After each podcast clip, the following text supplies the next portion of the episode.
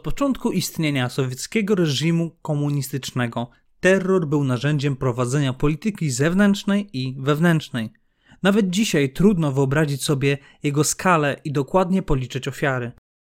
Niemniej wielka czystka trwająca w latach 1937-1938 odznacza się wyjątkowością w krwawym reżimie.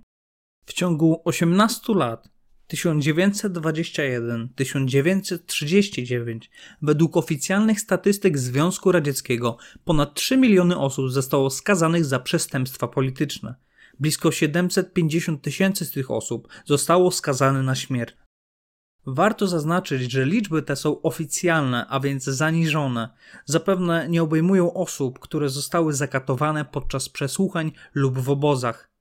Istotnym faktem jest to, że ponad 90% egzekucji politycznych w Związku Sowieckim w trakcie wspomnianych 18 lat miało miejsce w ciągu dwóch lat Wielkiej Czystki. Te dwa lata są odmienne od pozostałych. W materiale dotyczącym tematu Wielkiej Czystki postaram się omówić ten wyjątkowy czas terroru.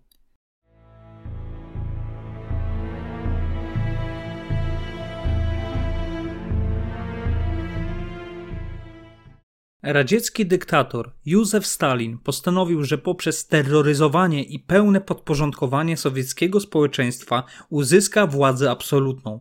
Aby to osiągnąć, potrzebował on eliminacji grup uniemożliwiających mu jej zdobycie. Aby rozpocząć czystkę, Stalin potrzebował usprawiedliwienia drastycznych środków. Podłożem czystki był zamach zorganizowany przez NKWD w 1934 roku. Ofiarą był rywal polityczny Stalina. Za cel obrano Siergieja Kirowa, lubianego i szanowanego szefa Leningradzkiego Komitetu Partyjnego. Kirow zginął zastrzelony przez zamachowca wprowadzonego w struktury jego ochrony. Morderstwo to miało być usprawiedliwieniem nadciągającej fali represji. Tego samego dnia Stalin pociągiem specjalnym osobiście przyjechał do Leningradu.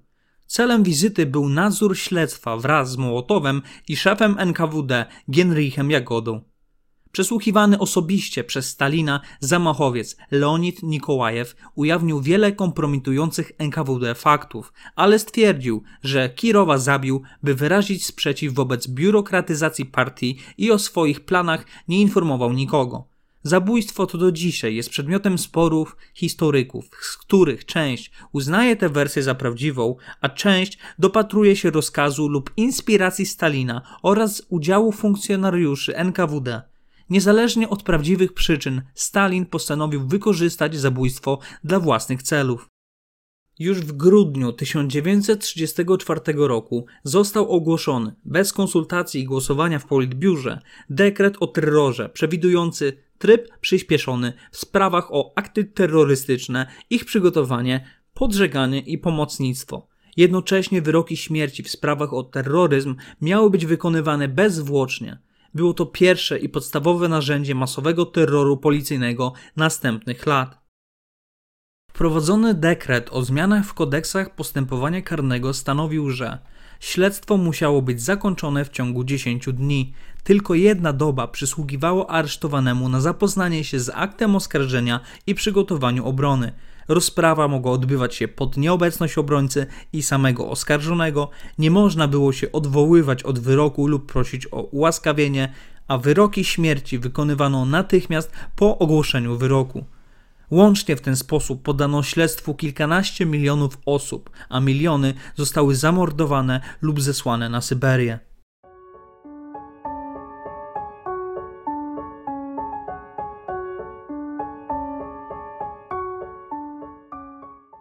Ostatnim spektaklem poparcia starych bolszewików dla przywódcy był 16 zjazd WKPB w 1934 roku, na którym pozwolono wystąpić przywódcom opozycji, którzy chwalili politykę Stalina i potępiali swoje dawne błędy.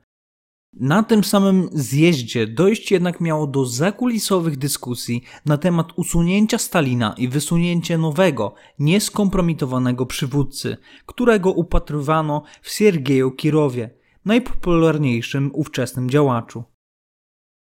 Kirow nie przyjął tej propozycji i poinformował o niej Stalina. Pod koniec obrad zjazdu w tajnym głosowaniu w wyborach na członków Komitetu Centralnego przeciwko Stalinowi oddano aż 292 głosy. Na 1966 delegatów, z których 1108 miało zostać rozstrzelanych w ciągu następnych czterech lat. Komitet Centralny liczył 139 członków i zastępców członków, z których 99 miało umrzeć gwałtowną śmiercią w ciągu najbliższych kilku lat. Kontrolowana przez Stalina komisja sfałszowała jednak wyniki i oficjalnie podała, że otrzymał on jedynie trzy głosy przeciw. Prawdopodobnie wtedy Stalin podjął decyzję o wielkiej czystce, która unicestwi partię leninowską i w ten sposób przekształci partię jedynie w narzędzie w jego ręku.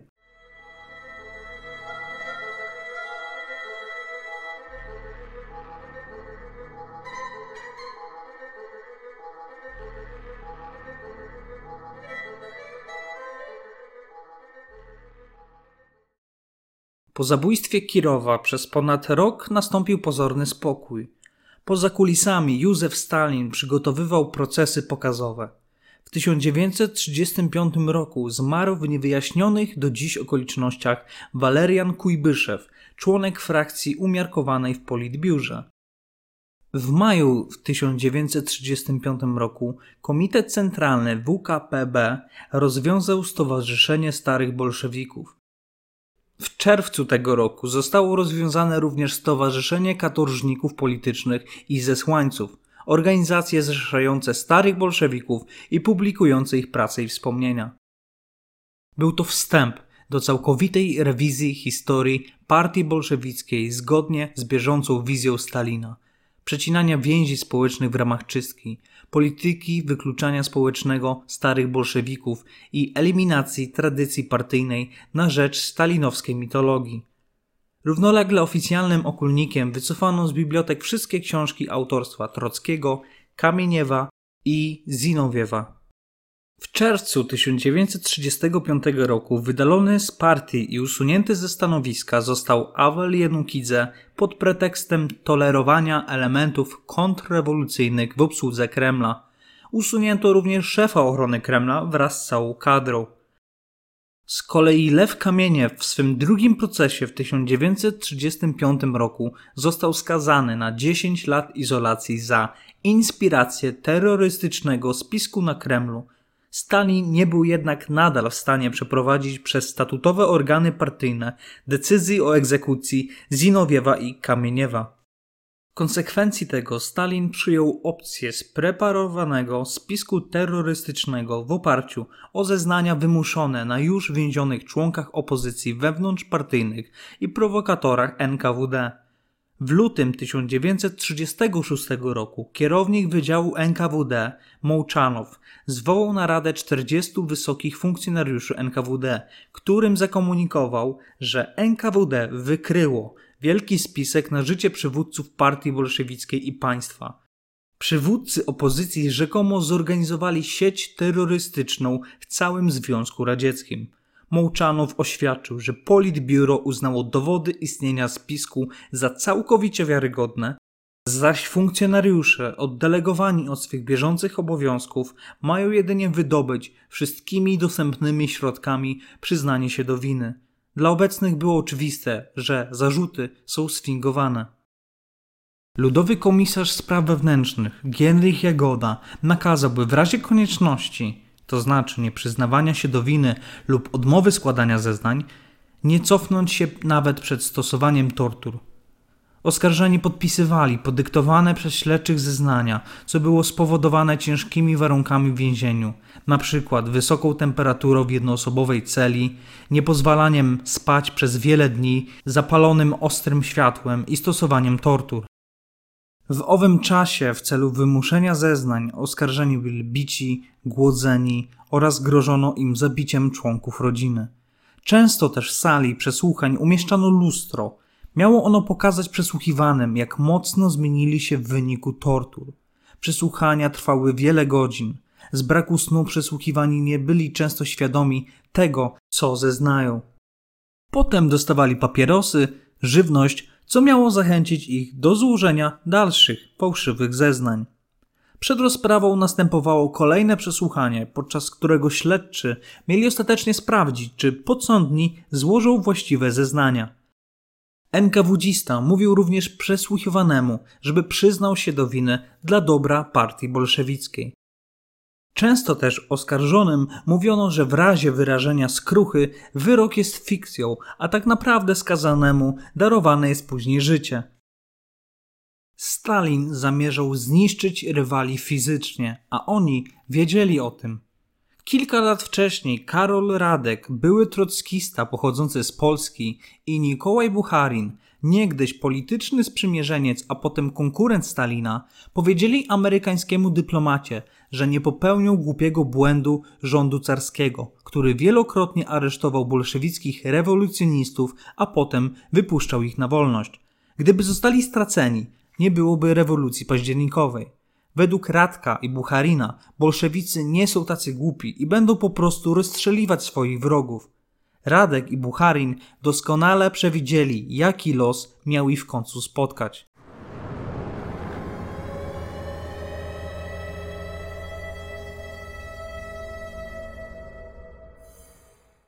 W sierpniu 1936 roku rozpoczął się proces 16. Oficjalnie proces trockistowsko-zinowiewowskiego Centrum Terrorystycznego. Rozpoczęto proces głównych rywali Stalina Zinowiewa, Kamieniewa i kilkunastu innych oskarżonych o trockizm, współudział w zamachu na Kirowa, przygotowywanie zamachu na członków Politbiura oraz szpiegostwo na rzecz m.in. Polski i Niemiec. Oskarżyciel Andrzej Wyszyński zażądał najwyższego wymiaru kary rozstrzelania. W swojej mowie oskarżycielskiej domagał się, by, cytując, wszystkie te wściekłe psy rozstrzelano. Nie było żadnych dowodów winy. Sąd opierał się jedynie na zeznaniach oskarżonych, którzy przyznali się do stawianych im zarzutów. Wielu z nich robiło to z ideowych pobudek, kierowała nimi partyjna samodyscyplina. Uważali, że umierają dla dobra bolszewizmu.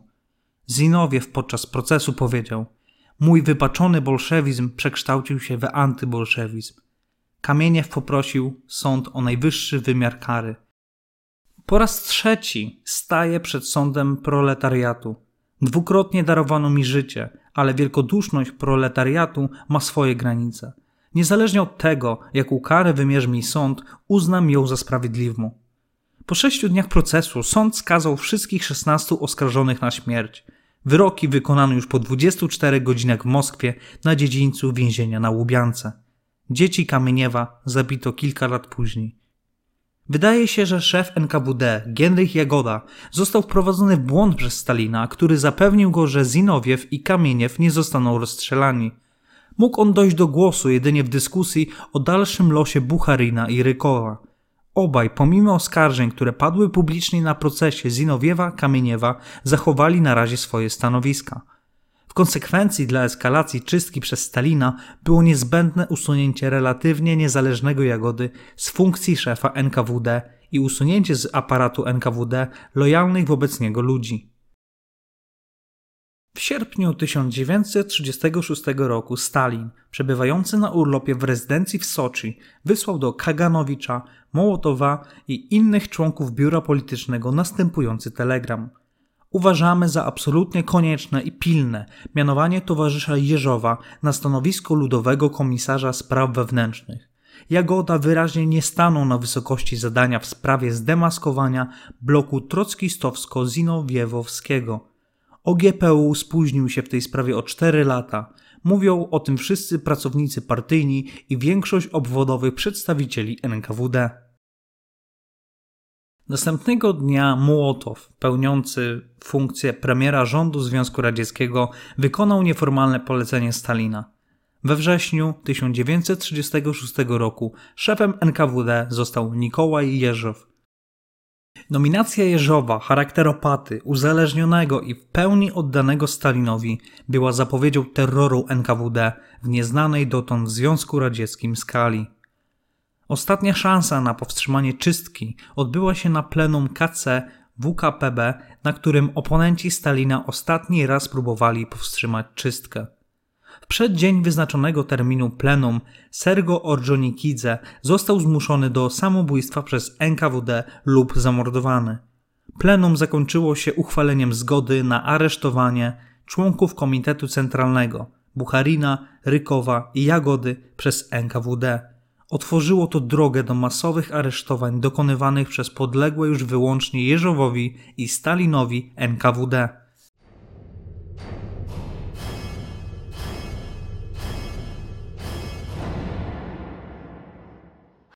Czerwcu 1937 roku szef NKWD Nikołaj Jeżow wygłosił referat na plenum KC. Powiedział, że istnieje zakonspirowane podziemie kontrrewolucyjne, a kraj znajduje się na krawędzi nowej wojny domowej i jedynie organy bezpieczeństwa państwowego pod mądrym przewodnictwem Józefa Stalina zdolne są jej zapobiec. Był to początek wielkiego terroru, w tych miesiącach Jeżow bywał w kabinecie Stalina częściej niż jakikolwiek inny człowiek.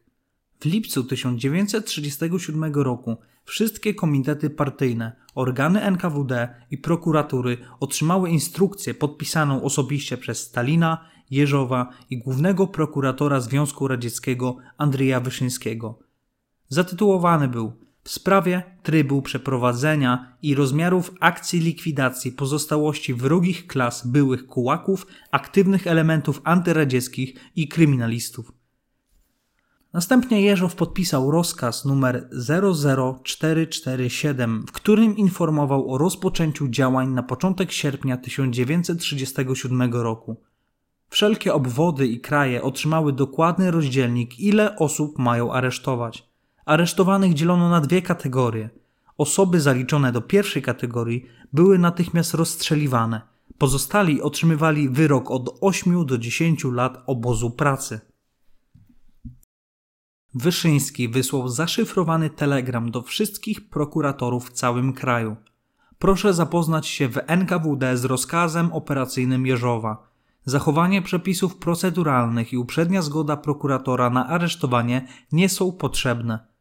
Oprócz tego tworzono listy wysoko postawionych wrogów ludu, którzy podlegali trybunałowi wojskowemu. Wyrok był z góry znany rozstrzelać.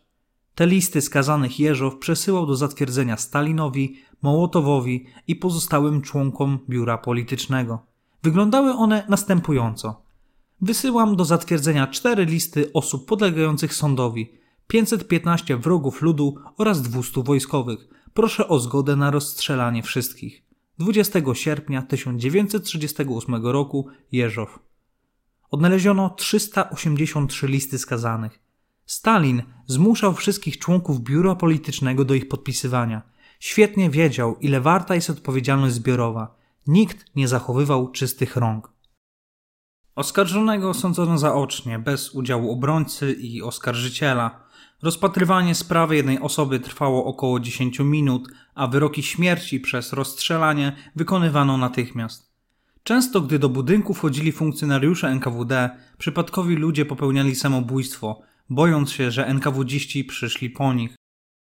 Inni z kolei chodzili chętnie na wiece poparcia dla aparatu stalinowskiego, gdzie gratulowali tajnym służbom wykrycia rzekomych wrogów i domagali się znalezienia kolejnych.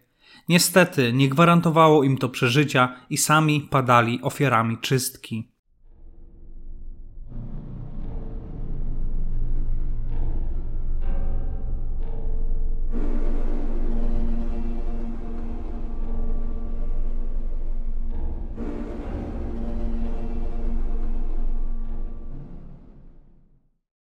Mikołaj Jeżow, szef NKWD, podpisał kolejny rozkaz numer 00486, który zapoczątkował akcję masowych aresztowań żon zdrajców ojczyzny, członków organizacji prawicowo-trockistowskich i szpiegowsko-dywersyjnych oraz osób osądzonych przez kolegium wojskowe i trybunały wojskowe przypisanych do pierwszej lub drugiej kategorii.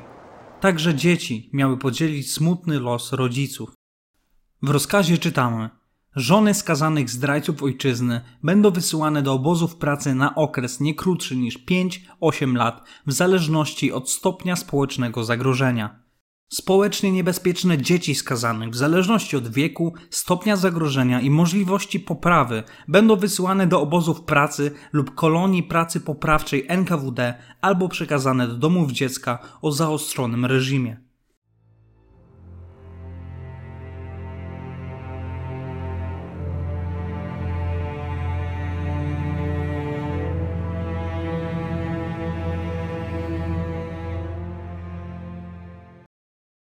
Terror obejmował nie tylko funkcjonariuszy partii komunistycznej WKPB i aparatu państwa sowieckiego. Objęte terrorem były wszystkie warstwy społeczne, według z góry narzuconego rozdzielnika.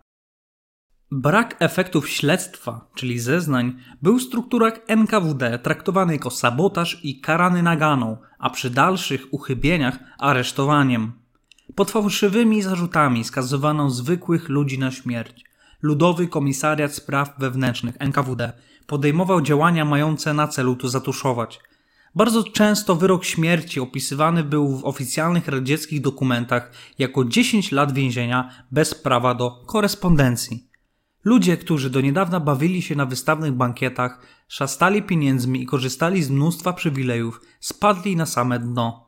Wielu ludzi znikało po cichu.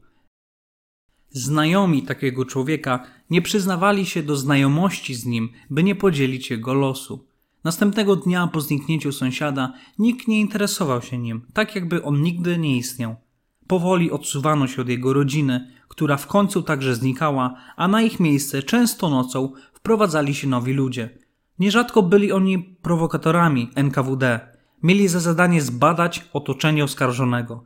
Również na nich przyszedł czas strachu i obawy o swoje życie.